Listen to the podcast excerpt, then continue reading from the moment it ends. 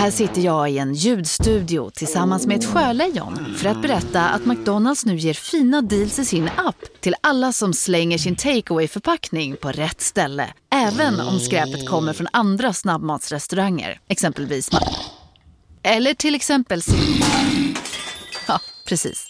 Välkommen till Momang, ett nytt smidigare casino från Svenska Spel, Sport och Casino där du enkelt kan spela hur lite du vill. Idag har vi Gonzo från spelet Gonzos Quest här som ska berätta hur smidigt det är. Sí, es muy excelente y muy rápido! Tack Gonzo. Momang, för dig över 18 år. Stödlinjen.se.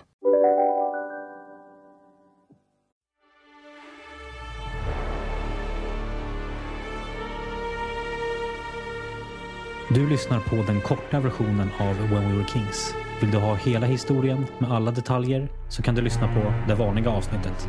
Men nu, nu kör vi igång. Dans le paquet, il n'est pas signalé en jeu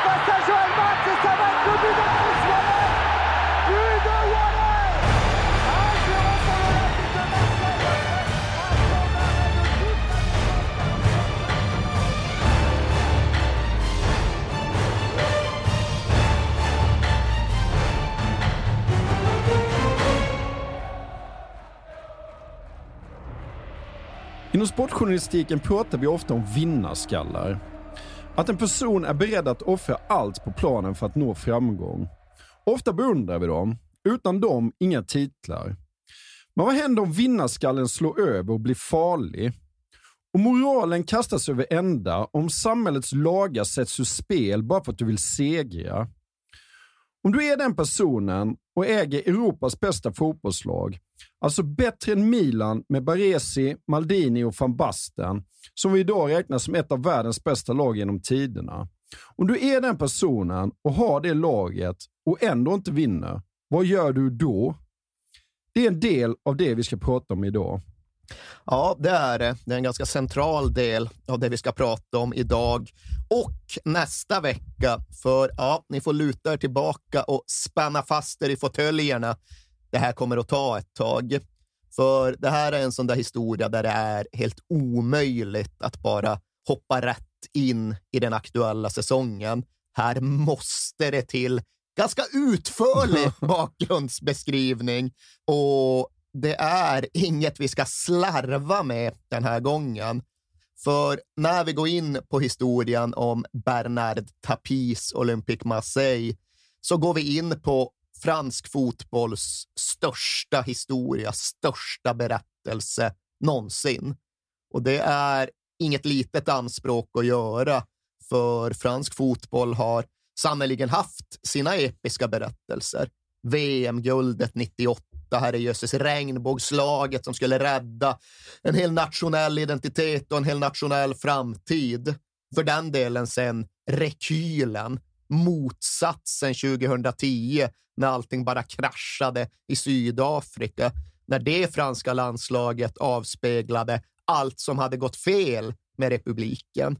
Det är inga små historier och det är ingen liten story om PSG och deras nya väg genom 2010-talets elitfotbollslandskap. Det är väl egentligen det årtiondets kanske allra största berättelse.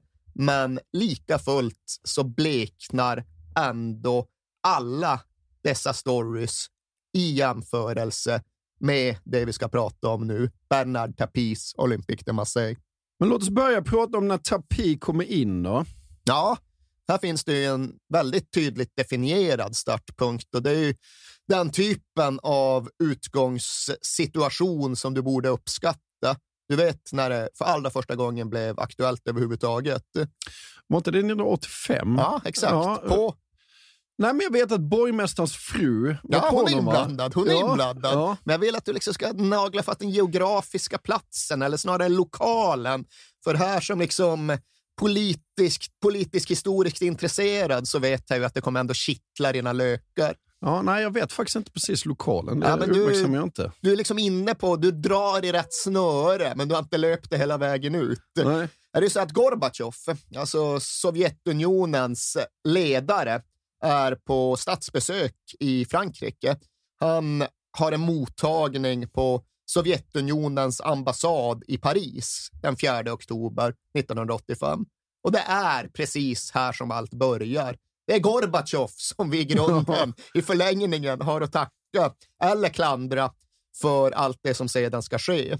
För på den här mottagningen på den sovjetiska ambassaden så är det ju lite löst folk, det är högdjur, det är politiker och det är ett bord där det har samlats människor från lite olika delar av den franska societeten.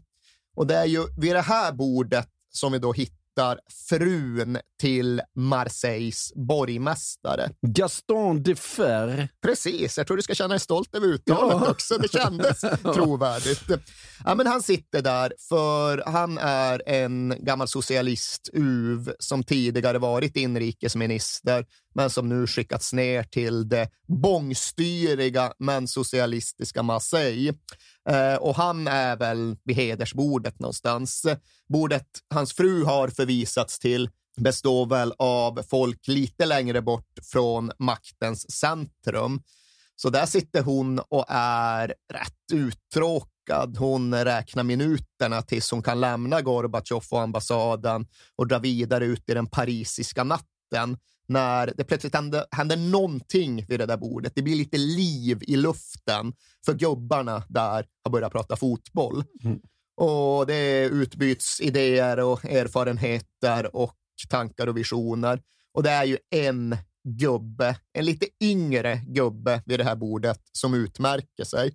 För han eldar upp sig och han skrävlar och han påstår att han kan göra både det ena och det andra ifall han bara blir insläppt.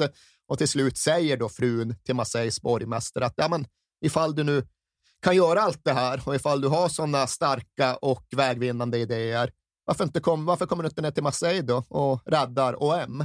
För Olympic Marseille vid den här tiden var ju en sorglig ursäkt till fotbollsklubb. De hade hållit på att åka ur högsta ligan mm. där i början av 1980-talet och 1985 är de alltjämt nere i botten mitten och slåss. Det är liksom ett nedflyttningslag. Ja. Men den här hårfagre herren, han avskräcks ju inte av den där inviten, utan bara säger ja visst, kan jag väl göra. Ifall någon ber mig, ja då åker jag ner till Marseille och räddar OM, inga problem.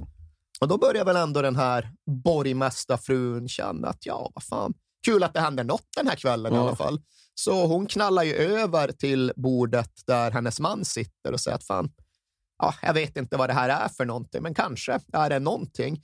Det är någon snubbe vid mitt bord som påstår sig kunna lyfta fotbollsklubben i Marseille.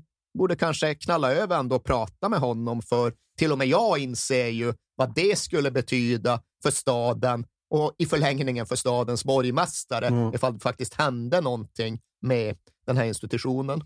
Men vem är den här äh, skrävlaren vid bordet då? ja, men det är ju kändisentreprenören Bernard Tapie. Uh, antar att det är ungefär så han uh, fick tituleras vid den här tiden. För hade han vuxit upp och slagit sig fram idag, då hade han väl varit en influencer som med tiden tog sin berömdhet i en annan riktning. För han kommer någonstans i första hand från kändisvärlden. Lite oklart vad han gjorde där, lite oklart hur han egentligen kom in i det. Försökte bli popstjärna ett tag, mm. gick inget vidare. Men han lät sig inte nedslås av det, utan slog ju sig med tiden in på någon typ av entreprenöriell bana. Och det han då hade gjort sig rik på, det var ju att ja, men flippa, att blåsa liv i konkursmässiga bolag som trots allt hade starka varumärken. Han blev den här snubben som var vaksam på underpresterande varumärken. Vänta nu, det där är ju ändå ett eh, i teorin starkt företag. Varför går de så extremt dåligt ekonomiskt? Det här ska vi nog kunna göra någonting åt. Så köper upp ett sådant bolag, skär bort kostnader något så infernaliskt och sen får han börskursen att vända uppåt och så säljer han med jättevinst. Mm. Det där hade han gjort ett tiotal gånger och det var allt från Toshiba till Mazda till Wrangler. Alltså det var just företag med varumärken som han Frågar du någon så hade han väl räddat dem och blåst nytt liv Ja. i dem. Frågar du någon annan så hade han fullständigt bara skövlat all den företagskultur som en gång fanns och sen själv profiterat på resterna.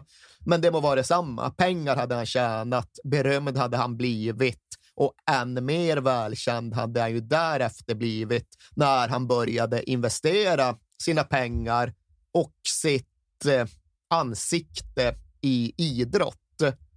Fotboll var det ingen som förknippade honom med på den sovjetiska ambassaden 1985, men de förknippade honom ändå med sport för att han hade slagit sig in på cykel. Ja. Är det inte rullskridskohockey i Galicien så är det cykel i Frankrike. Fast cykel är lite större. Tour de France är lite större. Ja, kanske inte lokalt, men globalt. Ja. Absolut. Och där var ju Tapi en spelare. Eh, jag kommer inte ihåg vad hans cykelteam nu hette, men ifall ja, Roberto Vacchi vet ju. Ifall man har något intresse av cykelsporten så vet man. Men här står han i alla fall hösten 1985 med armarna öppnade och eh, blicken framåtriktad när han väl presenteras för Marseilles borgmästare och faktiskt börjar prata om den här eventualiteten på allvar. För uppsidan för staden Marseille och politiken som ledde staden var ju väldigt uppenbar. Det liksom gick inte att blunda för det uppsving och den uppåtvind som ett framgångsrikt OM faktiskt skulle kunna ge till lokalsamhället.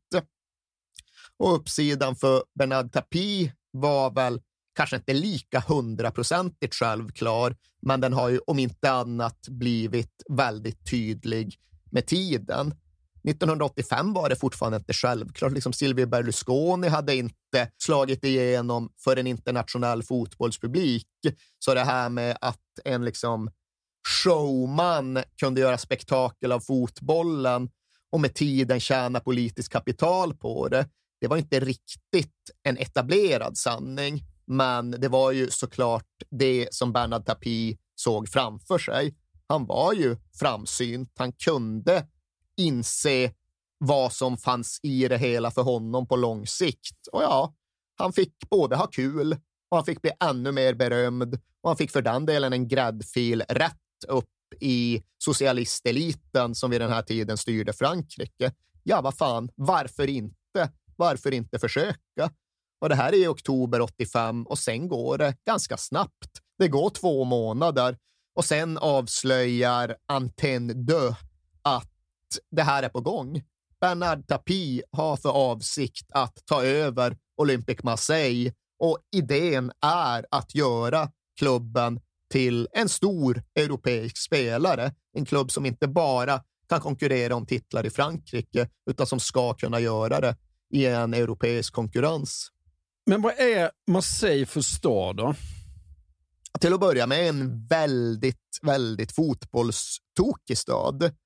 För även här ska det poängteras att fotbollens plats i det franska vardagslivet, i det franska samhället, var inte självklar i mitten av 80-talet. Det var fotbollsvärldens minst fotbollsintresserade stormakt. Okej, okay, de hade vunnit hemma-EM 84 och det hade börjat förändra saker och ting. Men i grund och botten så fanns det ingen jämförelse att göra mellan Frankrike och England, Tyskland, Italien, Spanien. Frankrike brydde sig inte så mycket om fotboll. Frankrike brydde sig klart mycket mer om Tour de France Ja. eller om rugby eller för den delen om den typen av kultur som inte hade någonting med idrott att göra överhuvudtaget. Men det fanns några undantag och de flesta undantagen låg uppe i norr, eller i alla fall i industriområdena. Det fanns några hamnstäder där folk verkligen brydde sig och det fanns några gruvstäder där folk verkligen brydde sig. Lans, absolut. Saint-Étienne, absolut. Men det här är samhällen med ja, men en fotbollskultur som är lättast att jämföra med just Storbritannien. Det är liksom en stoisk gruvpublik som går på match trots att laget är uselt, trots att laget åker ur, trots att det är motvind och regn varenda jävla tisdag. Det är liksom Burnley. Ja. Det är den typen Ja. av publik. Men Marseille, då något helt annat. Också en grundmurat fotbollsintresserad stad, men med ett helt annat temperament. För Marseille är ju en känslodriven stad, en lynnig stad, en latinsk fotbollsstad. Och det är väl egentligen ingen överdrift att hävda att det är mer relevant att jämföra Marseille med de nordafrikanska hamnstäderna än med Paris. Ja. Det finns mycket mer gemensamt med inte vet jag, Casablanca eller Tanger eller Tunis eller någon sån stad än det finns med Paris eller till och med Bordeaux som Ja. ändå ligger geografiskt ganska nära. Jag får lite så här Neapel-vibbar när jag läser faktiskt. Jag håller fullständigt med. Ja. Jag tror att det är väl den bästa parallellen vi har inom europeisk fotboll. Neapel är väl ännu mer, alltså det är ännu lite mer av en tryckkokare på Ja. något sätt. Men det finns likheter, inte minst då i relationen mellan fotbollsstaden i fråga och nationen i övrigt Ja. och makteliten i norr. Det är liksom inte samma rena rasism mellan Paris och Marseille 1985 som det var mellan Turin och Neapel. Men det var samma sorts tankegångar, samma sorts stereotyper.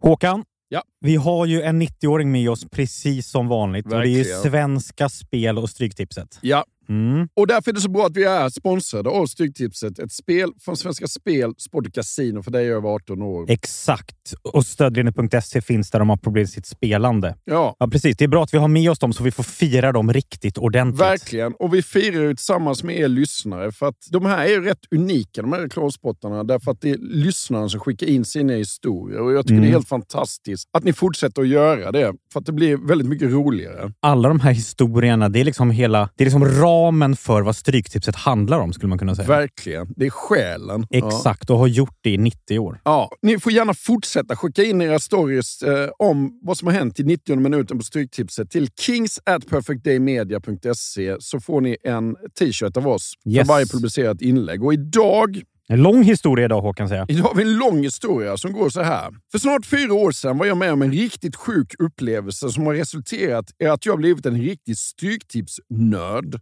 Det var coronatider och Premier League-premiär. Jag och min sambo skulle hem till svärföräldrarna på middag, men innan vi åker dit hinner jag lägga en liten slumpartad 64-raderskupong. Championships-matcherna var det bara att blunda, chansa och hoppas på det bästa. Men Premier League har man ju lite kunskap om, så där vågade man tro på skrällchanser.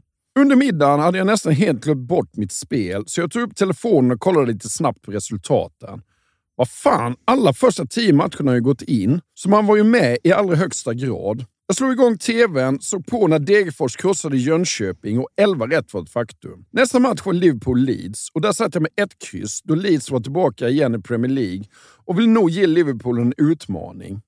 Liverpool tog ledningen tidigt i matchen, men visade verkligen att de var tillbaka igen efter nästan 20 år från fotbollens finrum. De lyckades kvittera kort efter Liverpools ledningsmål och det skulle visa sig bli en riktig jojo-match. 2-1, 2-2, 3-2, 3-3. Fram till 90 minuten stod det 3-3. Jag har 12 rätt och utdelningen är 20 000. Men Leeds nyförvärv Rodrigo Moreno får då för sig att ta bollen med handen efter Liverpool-hörna och dömer då straff till äckliga Liverpool. Ja, Oj! ja. Ja, ja. Självklart gör Salah 4-3 från 11 meter och vinstsumman var nu på 5 000 kronor på 12 rätt. Det enda som skulle kunna rädda mig nu var att Newcastle skulle slå West Ham borta, då våghalsiga, naiva jag fick för mig att sätta en tvåa. Jag tror aldrig jag mått så dåligt av att se en fotbollsmatch. West Ham var det spelförande laget i första halvlek, men inga riktiga chanser skapades från något av lagen. När andra halvlek blåstes igång och jag hade lugnat mig lite så tar det bara några minuter innan Callum Wilson brunkar in ett ledningsmål för Newcastle och nervositeten kickar igång igen. Om första halvlek var ångestladdad så går det inte att jämföra med andra. West Ham pushar på hela halvleken för ett kvitteringsmål. De har en ribbträff bland annat, men 0-1 står sig fram till slutminuterna. Då får Newcastle en kontring. Bollen slås snett inåt bakåt och når Jeff Hendrick som pangar in 0-2 och euforin är total. 13 rätt och 500 000 kronor rikare. En upplevelse jag aldrig kommer att glömma.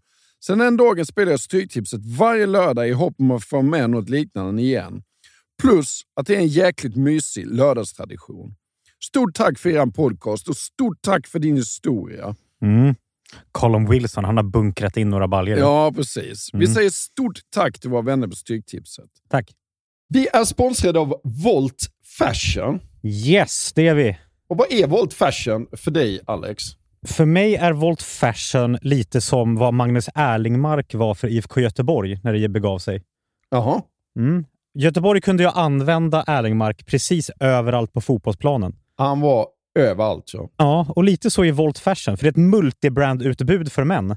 Förstår du vad jag menar då? Just det. Mm. Ja. Du hittar tröjor, skjortor, kostymer, kavajer, byxor, you name it. Allting. Från märken som These Glory Days, Oscar Jakobsson, Tiger of Sweden, Eton, Samse Samse, J. Lindberg och Flippa K. Exakt. Och min Voltbutik som jag brukar gå in i ligger i PK-huset här i Stockholm. Ja, just det. Och det finns ju 40 butiker i Sverige och här finns ju allting. Sweaters, Allting. skjortor, kostym, kavajer, byxor. Allt du behöver, både till fest och vardag.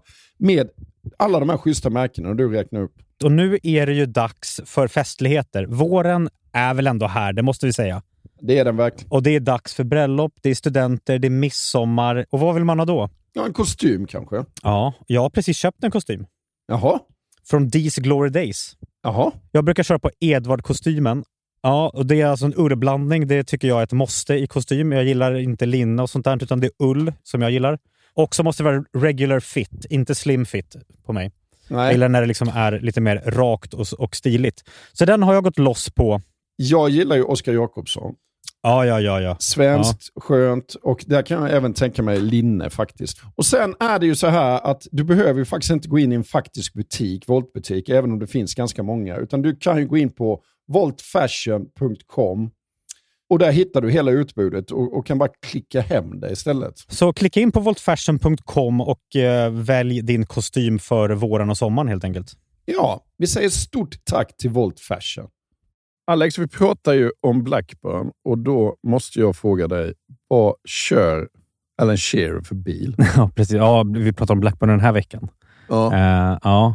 Alan Shearer. Jag ska, jag ska nog googla det faktiskt. gör det. Jag tänker mig att han kör en riktigt sån, alltså en, en diesel. Nej, alltså det som bara jag. spottar ut. Jag tror, jag tror Shearer är en eh, riktig elkille. Faktiskt. Vad heter Blackburn? Lanc Lancastershire. Lancashire. Lan ja, exakt. Där åker han runt. Runt, runt en gammal dieselhäck. Men nu ska, Ja. jag ska googla faktiskt. Ja. Kolla. Då ska vi se. Alan Shearer Lifestyle. Alan Shearer Car. Audi RS Q8 kör Ja. han till vardags. Hybrid. Det är ju ingen dålig bil. Hybrid. Så, Ja, 600 hästar. 3,8 sekunder på 100 meter. ja, 100 meter är det inte. Nej, 100 kilometer i timmen. ja. Vridmoment 800 NM. Men Säger mig varför pratar vi om ingenting. detta? För att vi är sponsrade av Kala. Ja, och på, det är mycket möjligt att han har insett hur jäkla smidigt det är att köpa sin bil på Karla. Exakt. Hur skulle Alan Shearer säga Kala med C? Karla. Carla. Karla. Ja. För att vi har ju eh, i tidigare eh, spottar berättat om att det är världens bästa biltjänst. Mm, Med 4,8 i. Trustpilot. Mm. Därför att vi som tycker det är jobbigt att köpa och sälja sin bil framför allt, med allt mäkt det innebär, så innebär Karla att de sköter allting åt dig. Mm. Så går du i eh, tankar med att sälja din bil och kanske vilja skaffa dig en elbil eller en elhybrid så ska du gå in på karla.se. Jag är lite sugen på att skaffa en laddhybrid. Ja. En sån Audi. Ja, ja, ja. Jag tror inte riktigt att jag kanske har råd med det den. tror jag inte du riktigt men har jag, råd men jag tror att Karl har ett bra spann på bra eh, laddhybrider faktiskt. Ja. Mm. Om du går in på karla.se och knappar in din bils info så får du en snabb och gratis värdering och ett bud på din bil. Mm. Väljer du att acceptera budet så får du gratis upphämtning av din bil i hela Sverige. Just det. Och pengarna på kontot direkt vid upphämtning.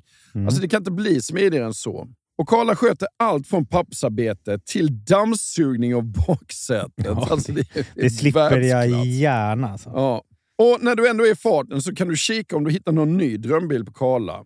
Audi RS Q8. Exakt. Du kan då använda din gamla bil som inbyte och endast betala mellanskillnaden om du vill köpa en ny. Kör du till exempel runt i en gammal dieselhäck så är det hög tid att uppgradera till en elbil eller laddhybrid. Eller Alan Shearers bil då. Vem i Blackburns lag från 1995 kör runt i en gammal dieselhäck idag, tror du? Ja, jag tror faktiskt ingen gör det. Tror du inte? Nej. Ja, jag tror i alla fall att anfallspartnern där till Alan Shearer, Chris Sutton, han kör runt en gammal dieselhäck. Ja, då är det hög tid för honom att gå in på karla.se. Verkligen. Vi säger stort tack till karla.se. Tack.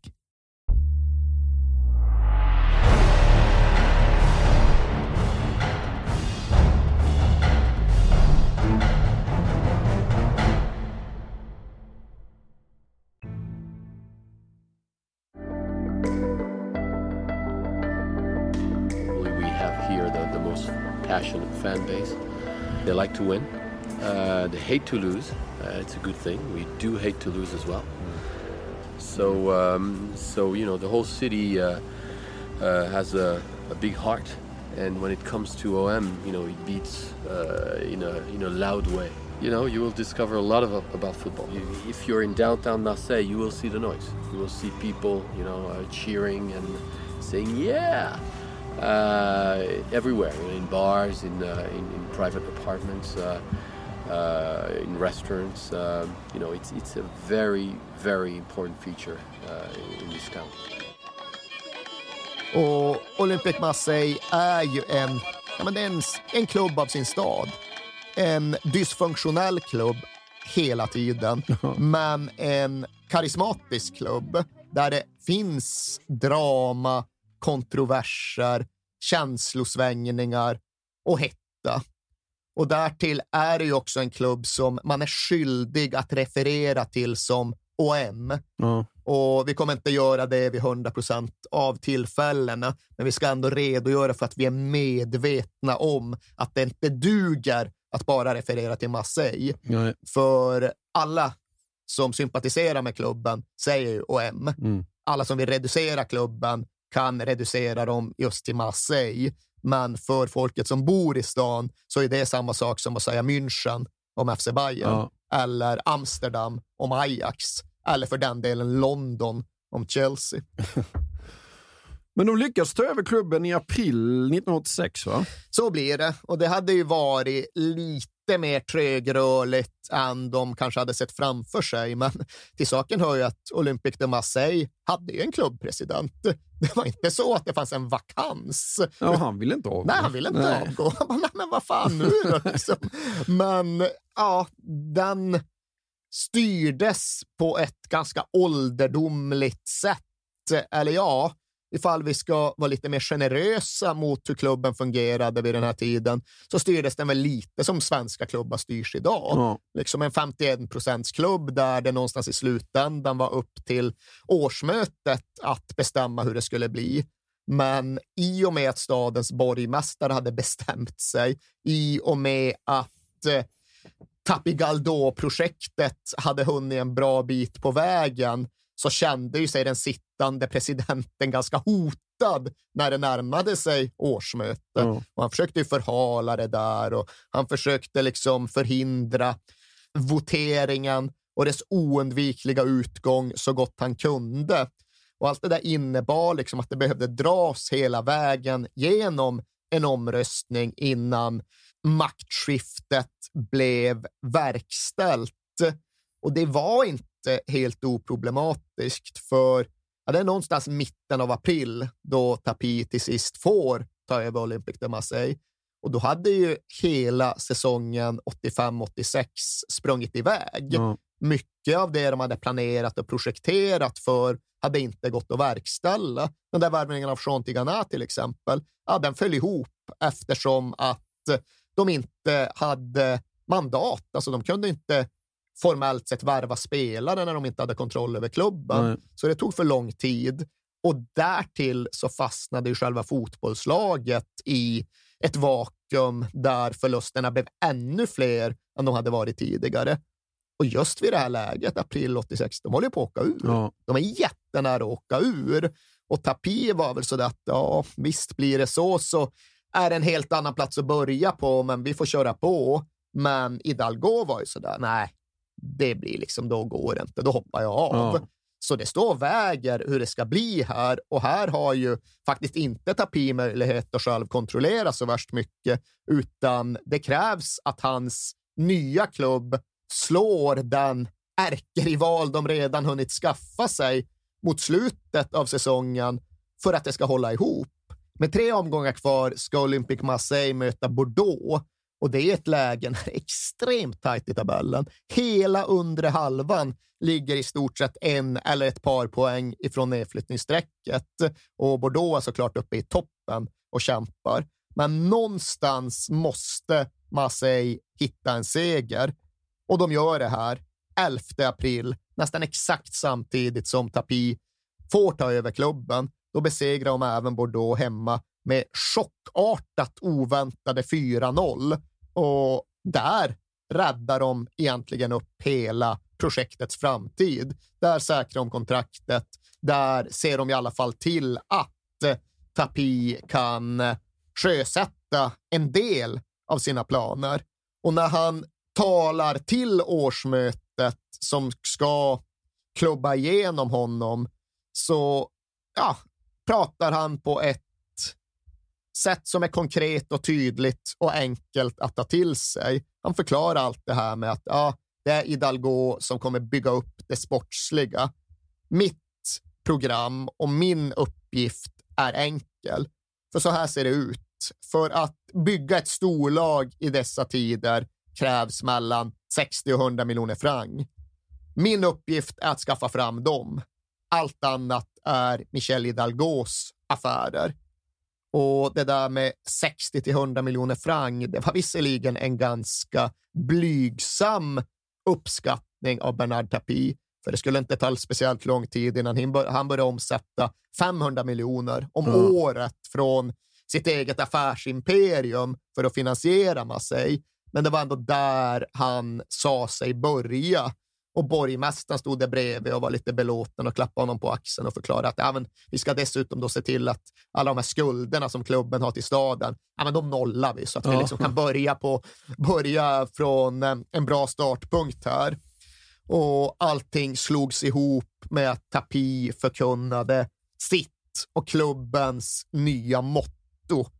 Och det han gjorde var att skicka en passning till Michel Platinis Juventus på andra sidan gränsen. De som dominerade Europa på den här tiden och de som hade liksom formulerat sitt klubbetos i de tre tre -en. Det är aldrig speciellt bra att översätta, för det gör sig inte, men Juventus 3 S som de har kvar fortfarande, de översätts väl någonstans ungefär till enkelhet, allvar, återhållsamhet. Bernard Tapie, han svarade upp mot de tre S med Olympique de Marseilles tre R. Och inte heller de gör sig riktigt att översätta, men ungefär drömmar, skratt, risker. Juventus, ja, de må vara bäst i Europa, men är de så jävla roliga? De är mest bara allvarsamma och jobbar hårt och är trista. Så ska inte vi erövra Europa. Vi ska göra det, men vi ska göra det med drömmar, skratt och risker. Ja. Det var så pitchen såg ut. Det var så klubban lät när den trummades i årsmötesbordet.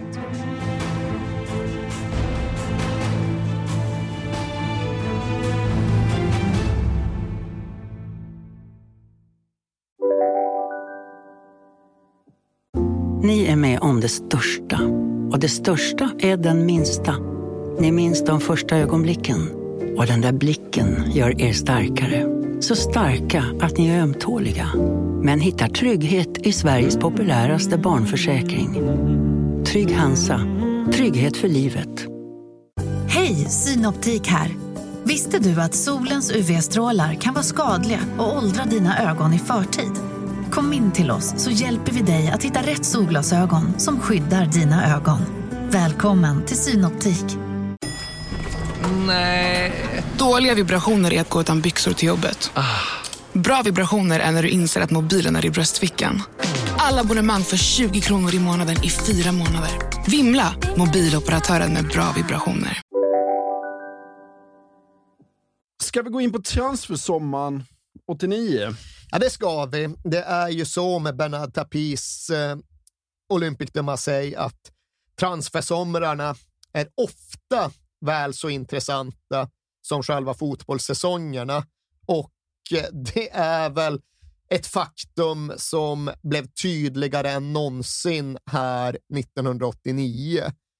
För man kan ju tycka att laget har vunnit dubbeln. Jean-Pierre Papin har pussat Mitterrand på pannan. Det är väl läge att luta sig tillbaka och vara rätt belåten med allt detta, Bernard Tapie. Nej då, det första han gör när bucklorna är lyfta, är att förklara att ja, det här var ju kul, men alla i spelartruppen, utom två, är på transferlistan. Aha. Ja, det är Jean-Pierre Papin och målvakten Ouad som han på något sätt skyddar. Resten är till salu. För ja, han hade haft en transfersommar året dessförinnan han hade investerat lite grann i fysik och stabilitet, men nej, han tyckte inte det kändes bra. Det var inget kul. Nej. Det var för fysiskt och det var för trögt. Och, och den där jävla coachen han satte, hur trist är inte han? Vi måste ha in något mer prestigefullt som om inte annat kan liksom styra ovanför Reli. Och många tyckte väl att det där var ett rätt märkligt sätt att resonera, men Tapi förkunnade att ja visst, det kan tyckas som en risk nu när vi just vunnit ligan. Men att inte göra något ur det här läget, det vore svaghet och det vore feghet. Och vad var det jag sa när jag tog den här klubben? Risk är ju ett av mina tre ledord, så nu jävlar. Tapi, ja visst, han såg risk, men han såg även reward. För vad var det han framför allt hade siktat in sig på? Vad var det han hade goda skäl att tro att han skulle lyckas landa? Tänker du på Maradona? Ja, det är klart jag tänker ja. på Maradona. För det var ju grejen runt den här säsongsavslutningen. Det var någonting som redan hade exploderat när det spelades cupfinaler och så. Att Maradona inte bara var liksom ryktades till Marseille, inte bara var aktuell för Marseille, utan var klar för Marseille. Mm. Det var i alla fall i, den, i det tonläget som nyheten detonerade. Maradona à Marseille, alltså Maradona till Marseille, rätt och slätt, stod det i L'Equipe samma dag som de skulle spela cupsemi redan mot Auxerre. Och det var inte uppgifter tagna ur luften, utan när den här sagan fortsatte rulla så visade det sig att Hidalgo, han var ju nere i Neapel i början av juni och pitchade för Maradona och liksom satte ihop hela övergången med allt vad den skulle innebära och han var ju där hur länge som helst och Maradona liksom insisterade på att han skulle stanna lite till. Och så här blir det med laget, låter kanon. Så här blir det med liksom allt vid sidan av planen, låter perfekt.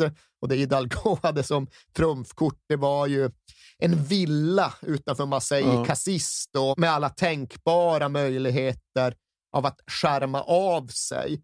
Men det här var ju någonstans också hela konceptets svaghet, för likt då Diego Maradona flög till Neapel och förkunnade att han nu vill ha lugn och ro ja. efter allt stök i Barcelona, så tycktes det ju även vara så att han och hans folk inte hade en aning om vad Marseille egentligen var för något. Nej. För det han sa sig vara ute efter, det var ju åter lugn och ro. Ja. Han vill bort från Neapels stök och få lugn och ro. Och så som vi inledde med, ska du hitta en parallell fotbollsstad till Neapel i Europa, då är det fan Marseille. Ja. Det är det närmaste du kommer Neapel. Och det blev väl mer och mer klart och tydligt för Maradona i takt med att nyheten spreds. Jo, men han skulle slippa sitta i den där lägenheten. Det skulle han förvisso. De hade, de hade en villa hus, ja. längs Rivieran att erbjuda, ja. så det är klart att det var ett hack upp i alla fall. Och då, här får du plats med alla dina sportbilar. Ja, ja det fanns underjordiskt jävla garage och givetvis båtplatser till tusen. Men ändå en sat någonstans hysteri när det förkunnas att Maradona ska till Marseille. Och de som faktiskt var inblandade i den här till slut inställda övergången, de hävdar ju att det var det som hände. Det läckte för tidigt. Det innebar att det blev för stor uppståndelse, för stor kalabalik runt det hela. Och stab Maradona därmed drog öronen åt sig. De följde detta, de märkte detta, de insåg att vad fan, det här är ju bara Neapel i repris. Ja. Det är väl det absolut dummaste. Relativt bra research faktiskt. Ja, den kom väl lite sent, ja. för Hidalgo säger ju att ja, men vi var överens. Ja. Jag vet inte om man hade ett ord eller ett handslag eller ett underskrivet så här pre-contract, men de var överens. Han åker hem från Neapel och meddelar till Bernard att ja, men det här blir av. Han vill komma, han gillar allt vi säger. Vi liksom skildes åt med en överenskommelse. Men sen läcker klubben som ett jävla såll.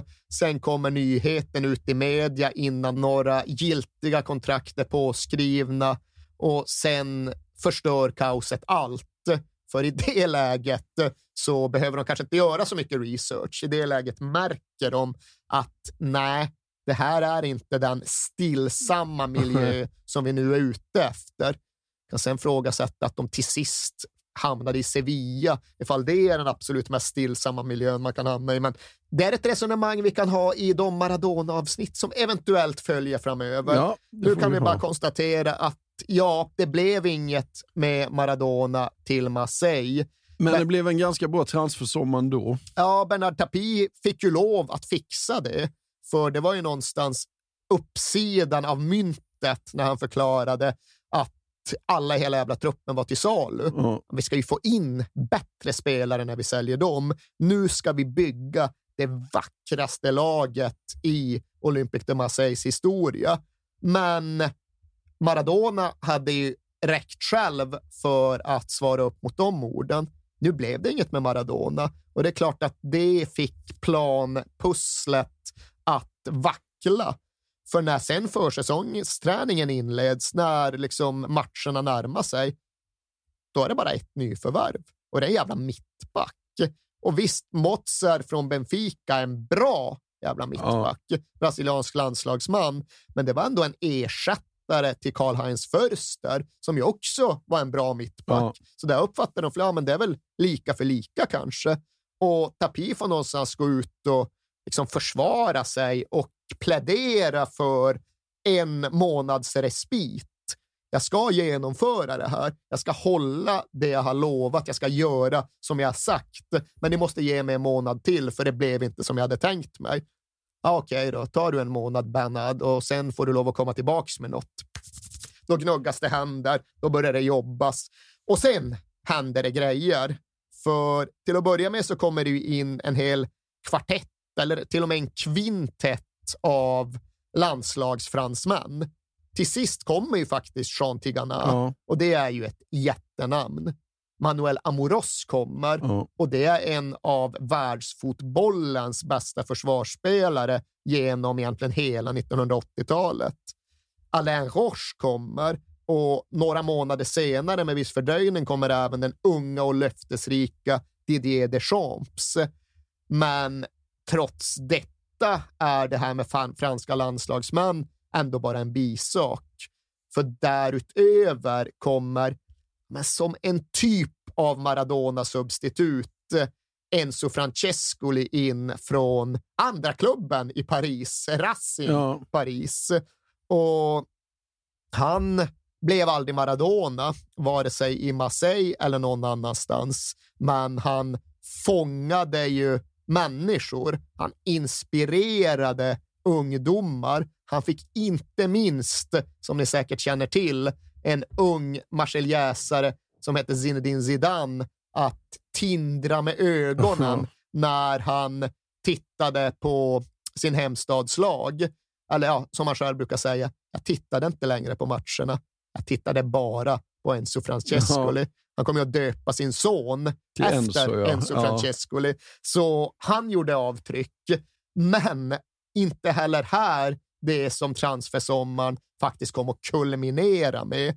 För Enzo Francescoli spelaren som kom att bli en gud för Zinedine Zidane var ändå inte det största och det bästa de fick in, utan grejen med transfersommaren 1989, det var ju att Bernard Tapie till sist bestämde sig för att värva den där killen från korvfabriken uppe i Newcastle. Ja. Den där osannolika dribblingshjälten som hette Chris Waddle. Och honom får vi stanna lite till va? Ja, men det är klart vi ska göra. Det är Ja. The Boys Spurs, även om han är Newcastle. Ja. Eh, så det, det ska vi göra. Och saken var den att Bernard Tapie och Hidalgo, ja, de hade siktat in sig mot The Mighty Tottenham Hotspur, men det var i grund och botten för att de tänkte sig att ersätta Klaus Alofs. De skulle ha in en striker och åkte och tittade på Spurs för att studera Paul Walsh. Jag vet inte om du minns Paul Walsh? Nej. Han var en, alltså han var inte oduglig, men han var inte skitbra. Nej. En långhårig anfallare med, inte Chris Waddle, långt hår, utan bara liksom så en, en blond man som vi i grunden mest använde som avbytare. På den här tiden, det var en avbytare. Paul Walsh, alltid nummer 12. Ja. Skicka in honom i 68 minuten för att jaga mål. Och två plus-anfallare i Tottenhams historia. Många andra skulle nog säga tre plus. Jag är lite hårdare Ja. mot Paul Walsh än andra. Jag vet inte varför jag inte gillar honom, men det gjorde jag inte. Eh, Men det var spelaren som de i grunden var intresserade av. Tittade på honom, drog väl samma slutsatser som jag gjorde och konstaterade att det här är inte bra nog. Men vänta nu, vad fan är det där ute på kanten? Det är ju någonting som inte går att motstå. En kille som ser ut som att han kom från korvfabriken i Newcastle, eller korvfabriken i Gateshead var det de facto i Chris Waddles fall, men som fan spelade som Garincha. Ja. De svajande höfternas kung, som Bernard Tapie kom att beskriva honom, det gick inte att motstå. Och det fanns egentligen ingen sportsligt rimlig logik bakom den här värvningen. De behövde ingen ytter. Och Chris Waddle, han var 28 år gammal och hade precis skrivit på ett jävla sjuårskontrakt med The Mighty Tottenham Hotspur. ett Spurs som därtill faktiskt gick för att vinna ligan. Ja. För Spurs hade ju Gassa och Spurs hade precis värvat Gary Lineker från Barcelona. Tänk vad det hade kunnat bli. Ja, det, det tänker jag på ibland. och eh, idén var just att ja, men det är den magiska triangeln som ska ge Tottenham en ligatitel. Så det är inte lätt att lösa Chris Waddle här, Bernard Tapie. Chris Nej. Waddle med sitt nyskrivna sjuårskontrakt. Men Bernard Tapie såg ju inte några hinder här. De skulle ha in honom för Bernard Tapie hade lyssnat på allt jävla tjat i staden Marseille om hur de längtade efter en dribbler, för de hade aldrig kunnat skaka av sig euforin det innebar att titta på Roger Magnusson. precis. Ja, men det var verkligen, vi måste ha en ny Roger Cantona Magnusson. nämner ju honom också. Ja, men just att det var ju trollkarlen, det var dribblen. Ja. Han kanske inte var Jean-Pierre Papin som sköt på volley från 45 meter, men han dribblade och de älskade att se spelare som dribblade och Chris Waddle kunde dribbla. Så till slut fick ju Bernard Tapie lov att eh, hosta upp ja, men motsvarande 50 miljoner kronor. Och jag vet inte exakt hur vi skulle... Det är väl fan vet jag, 800 miljoner idag. Ja, det är den tredje dyraste övergången någonsin. var Beror det. lite på vem du frågar. Vissa säger tredje, vissa säger sjätte dyraste Ja, någonsin. ja. Men en av de allra dyraste någonsin, då för en 28-åring utan något större vidareförsäljningsvärde som absolut inte folk i Frankrike eller folk i Marseille hade koll på. Och det var inte så att Chris Waddle övertygade alla genom sin blotta uppenbarelse när han väl landade. För sånt kan ju annars hända. Det kommer in någon med sin aura som Cantona, eller Ja. kommer in någon med sin fysik som får folk bara, oh jäklar vilket monster. Ja. Chris Waddle, han hade hockeyfrilla, han var ganska otränad och han kom högt uppifrån norra England. Och lyssna, målvakten på den här tiden, Ouad i Marseille, beskrev det som att ja, han kom Alltså han var ju vit som ett lakan. Och sen tränade vi i två dagar. Sen var han röd som en rostbiff. Ja. Och han exemplifierar med att ja, vi brukade få massage alla spelare, men Wadder blev inte masserad med massageolja, utan han blev masserad med solskydd. Ja. Och det här var ju en tid då engelska spelare inte flyttade utomlands. Och när de gjorde det så gick det åt helvete. Ian Rush visserligen walesare, men ja, han åker ner till Italien och ni har säkert alla hört de historierna om hur han påstås ha sagt att ja, nej, det var så främmande i Italien så att det, det kändes som ett annat land. Ja, jo, Ian. det, det var lite så. Va? Och Chris Waddell var också väldigt hem, alltså han var inte en kontinental person, det var ingen världsmedborgare, Nej. utan det var grabben från korvfabriken i Gateshead. Och i början av sin tid i Marseille, då vantrivdes han så mycket att han undersökte mig, men kan inte Spurs bara ta tillbaks mig? Det här är ju liksom avbetalningar, det har gjorts en första avbetalning, men det vill bara att betala tillbaka den och sen kan jag bara flytta hem så glömmer vi det här. Ja. För det gick ju åt helvete. Och Olympic Marseille var inte heller en internationaliserad klubb. Det var ju ett fransktalande omklädningsrum. Karl-Heinz Förster och Klaus Alof, ja, men de fuskade väl sig fram på någon hybrid mellan tyska och franska, men det var inte så att det pratades någon engelska där. Så Waddell, ja, men han vantrivdes verkligen i början och han var otränad och han spelade illa och det var varmt och han såg ut som en rostbiff och han förstod inte vad någon sa och det var jobbigt som satan. Men då gjorde ju Jean-Pierre Papin det som ja, verkligen imponerar. För han pratade i alla fall lite engelska. Han pratade tydligen bäst engelska av alla i det där omklädningsrummet. Han var uppvuxen högt uppe vid den belgiska gränsen och tvingades sig själv flytta till ett annat land. Han tvingades flytta till Brygge i Belgien innan han slog igenom. Så han hade väl lite förståelse för att det kunde vara tufft. Så han tog in Chris Waddell bokstavligt talat. Han sa det att fan, du kan inte sitta på ett hotell alldeles ensam ifall du någonsin ska komma in i det här. Så flytta hem till mig istället. Ja. Och det är precis det som sker. Chris Waddell flyttar hem till Jean-Pierre Papin med fru och bor där under ett par, tre månader den här första bräckliga hösten. Och Waddell är ju än idag väldigt tacksam för det här och väldigt imponerad av Papin och brukar också dra sin anekdot om hur Papin inte bara hjälpte till med att inkludera och integrera honom, utan även skyddade honom. För Waddell gick ju som sagt tungt. Han spelade inte bra och spelar man inte bra i Marseille så får man veta det ifall man är mottaglig. Papin såg ju till att Waddell inte var det. Waddell slår upp tidningarna och frågar vad, vad står det? Jag säger rubrik Waddell, vad står det? Ja. Ja, men positiva saker liksom. Det står så att du är på väg mot formen. Ja. De har tålamod med det, det är vad som står. Waddell ja, förstod väl inte riktigt då, men med tiden, det, det stod nog inte så Nej. med i tidningen. Men Papin var bryggpersonen som gjorde så att Chris Waddell långsamt ändå började finna till sig, sig till rätta, snarare än att bara sätta sig på vändande plan till England.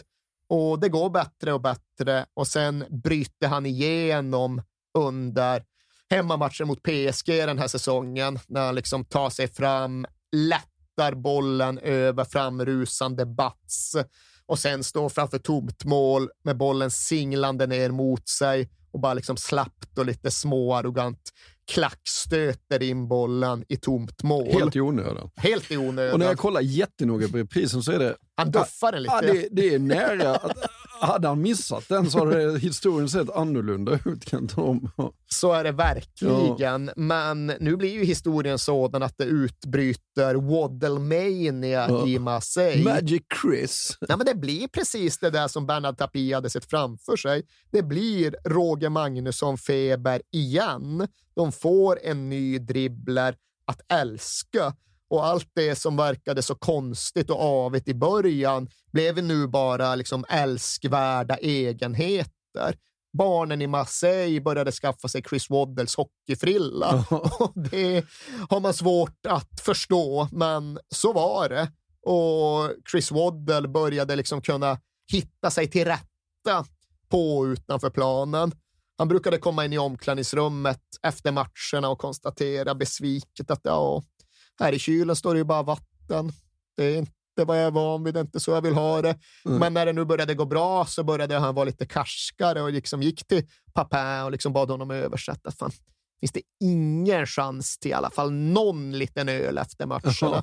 Sen gick det någon vecka och sen stod det både Guinness och lager Ja. i den där drickakylen när Waddle hade dribblat sig igenom ytterligare någon match. Så ja, nu hade de en ny stjärna, en ny idol, en ny mönsterbrytare där ute på kanten.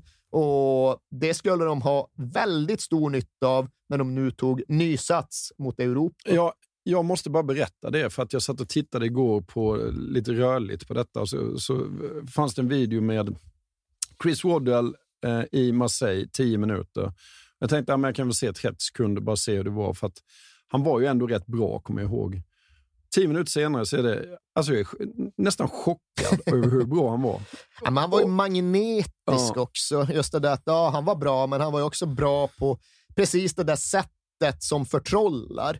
Man ville ju se vad som skulle hända varje gång han fick Ja. bollen. Och det var inte för att man, likt med Jean-Pierre Papin, visste att ja, men han tar ett steg och sen bombar han in den. Utan det var ju för att han kunde dribbla, han kunde göra på det sättet, han kunde slå utsidor, han hade ett brett register. Men det var ju ja, men det var ju Garincha eller Neymar fast på nordengelska. Ja. Och så sänker man ner allt det i Marseille. Det var så fel att det blev så otroligt rätt. Ja, massa ruggiga frisparkar slår han in och sen, han betalar ju tillbaka till Papin också. För att Ja, när han, han slår in ja, hur många inlägg som helst som bara Papin sätter dit. Liksom. Ils n'ont pas signalé en jeu face à Joël Max et ça va être le but de Chris Waddell. But de Waddell 1-0 pour l'Olympique de Marseille après un temps d'arrêt de toute la défense parisienne. Max n'en revient pas. Tout le men de är ju ute i Europa också va? Ja, det är ju det som verkligen nu blir en förändring. För som sagt, Tapi sa det från dag ett, att det är Europa som är grejen. Vi ska bli det internationellt slagkraftiga OM. Ligan absolut, men det är bara ett första steg. Och här får de ju möjligheten att spela i Europacupen. Och den här första utflykten ut i Mästarcupen den blir ju framgångsrik, men den blir inte spikrak utan asterisker. För det finns en match i den andra omgången här, då Olympic Marseille möter AIK Aten hemma, då 2-0-segern verkligen kommer med en typ av fotnot. För ja, Marseille vinner med 2-0, kanon. Det innebär att de sen kan kryssa sig vidare nerifrån Aten. Men jävla konstig match. Jävla märklig insats av den schweiziska huvuddomaren. För AIK Aten får framför allt ett helt regelrätt mål, bara bortdömt. Och det är rätt svårt för grekerna att tugga i sig. Mm. Och det är den där typen av domslut som man tittar på utifrån. Liksom, hur, hur kunde det bli så där? Ja. Och det var väl en sak, för den typen av märkligheter sker ju lite då och då eh, och får mer eller mindre tydliga förklaringar med tiden. Men här blev allting mycket spetsigare i och med att den här schweiziska domaren Sandos drar sig tillbaka bara några månader efter matchen. Och det var inget konstigt i sig. Det var väl så där att han föll för Uefas åldersstreck, vilket domare gör. Men när han då slutade så gav han en intervju med schweiziska journalister där han liksom gick igenom sitt domarliv. Och där påstod han även att ja, det var ju en etablerad sanning bland oss som dömer att internationellt sett blir vi domare citat, synnerligen väl mottagna och omhändertagna i vissa specifika fotbollsstäder. Och det skulle då ha varit Florens, Neapel och Marseille. Och det såg ju inte så jäkla bra ut att den här domaren tätt in på att han hade givit Marseille obegripliga och avgörande fördelar i en Europacup-match. Gick ut och pratade om hur han minsann hade blivit synnerligen väl mottagen. Förklara han vad det betydde? Nej, det var inte så många följdfrågor på Nej. det. Men eh, det indikerades ju att ja, men det är gåvor och de som tittade närmare på saken började väl också liksom, eh, misstänka att det rörde sig om damer Ja. i sammanhanget därtill. Men det blev aldrig riktigt preciserat och det förblev ju indicier snarare än någonting annat. Det här var ju riktigt jävla skumt, Ja. var det många som tyckte. Men sen rullade, även sen rullade ändå fotbollen vidare och så där jättemycket mer sades trots allt inte om saken där och då, utan Olympique de Marseille kunde fortsätta att spela sig fram, att anfalla sig fram genom Europa. De möter CSKA Sofia i kvart. Han spelar för CSKA Sofia. Stoichkov. Jajamensan. Ja. Han blev för övrigt raderad av någon ungdomsspelare som Marseille-folket fick för sig att Eh, slänga in för att i stort sett punktmarkera Stoichkov med kort varsel. Och det är en sån där anekdot som de gillar att återberätta från de här matcherna. Den andra är att de tvingades ställa en utespelare i mål i slutet av returen för att de hade gjort alla byten. Vem hade du ställt i mål ifall du var Marseille-coach för det här laget? Så se.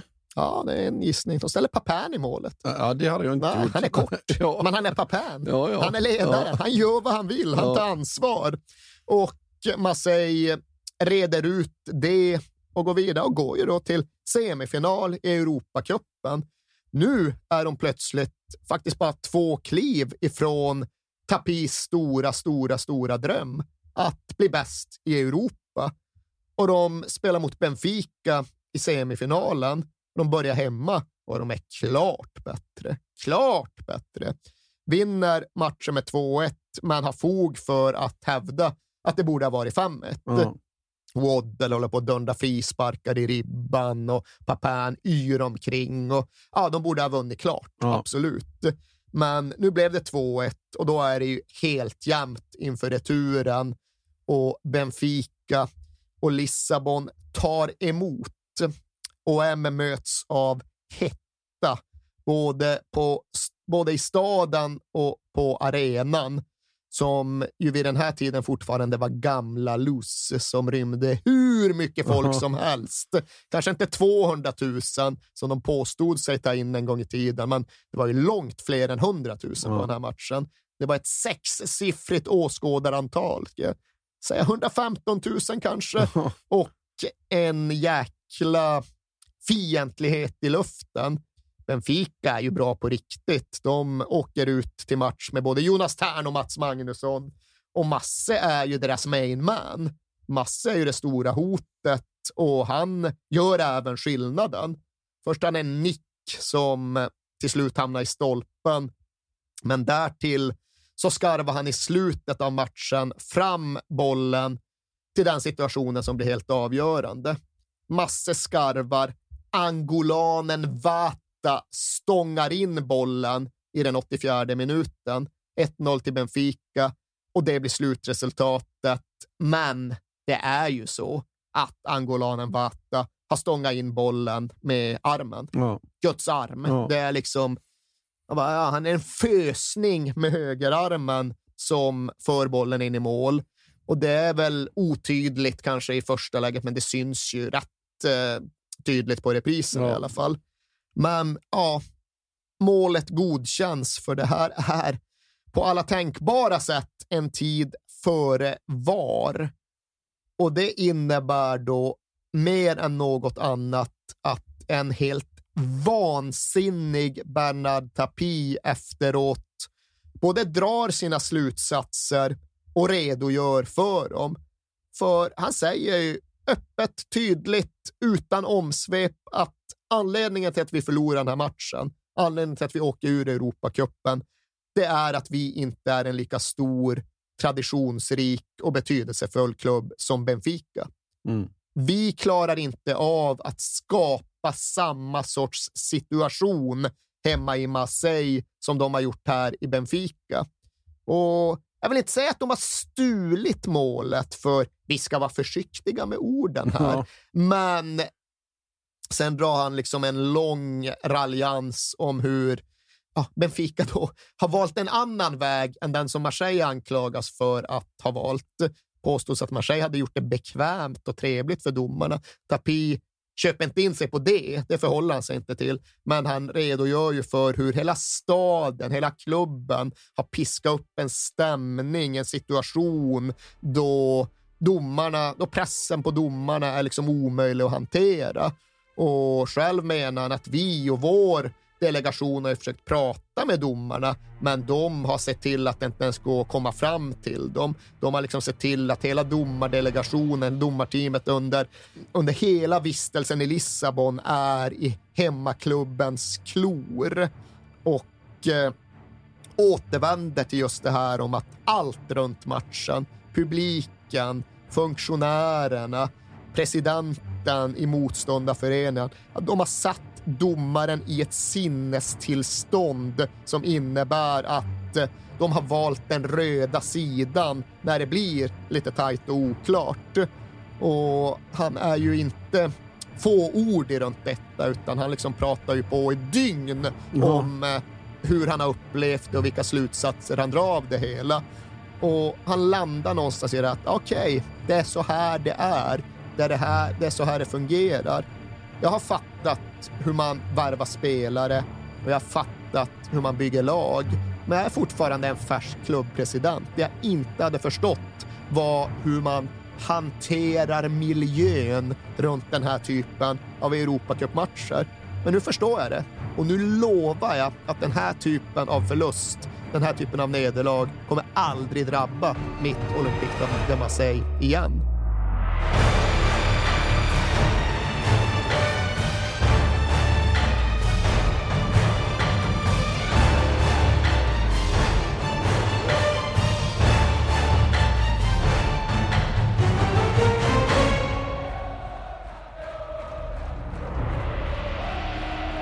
Du har hört första delen om Olympic Marseille 1992-1993. Fortsätt gärna mejla oss på kings at perfectdaymedia.se och följ oss hemskt gärna på Instagram på www.kpodcast. Ha det så bra. Hej då. Den här podcasten är producerad av Perfect Day Media.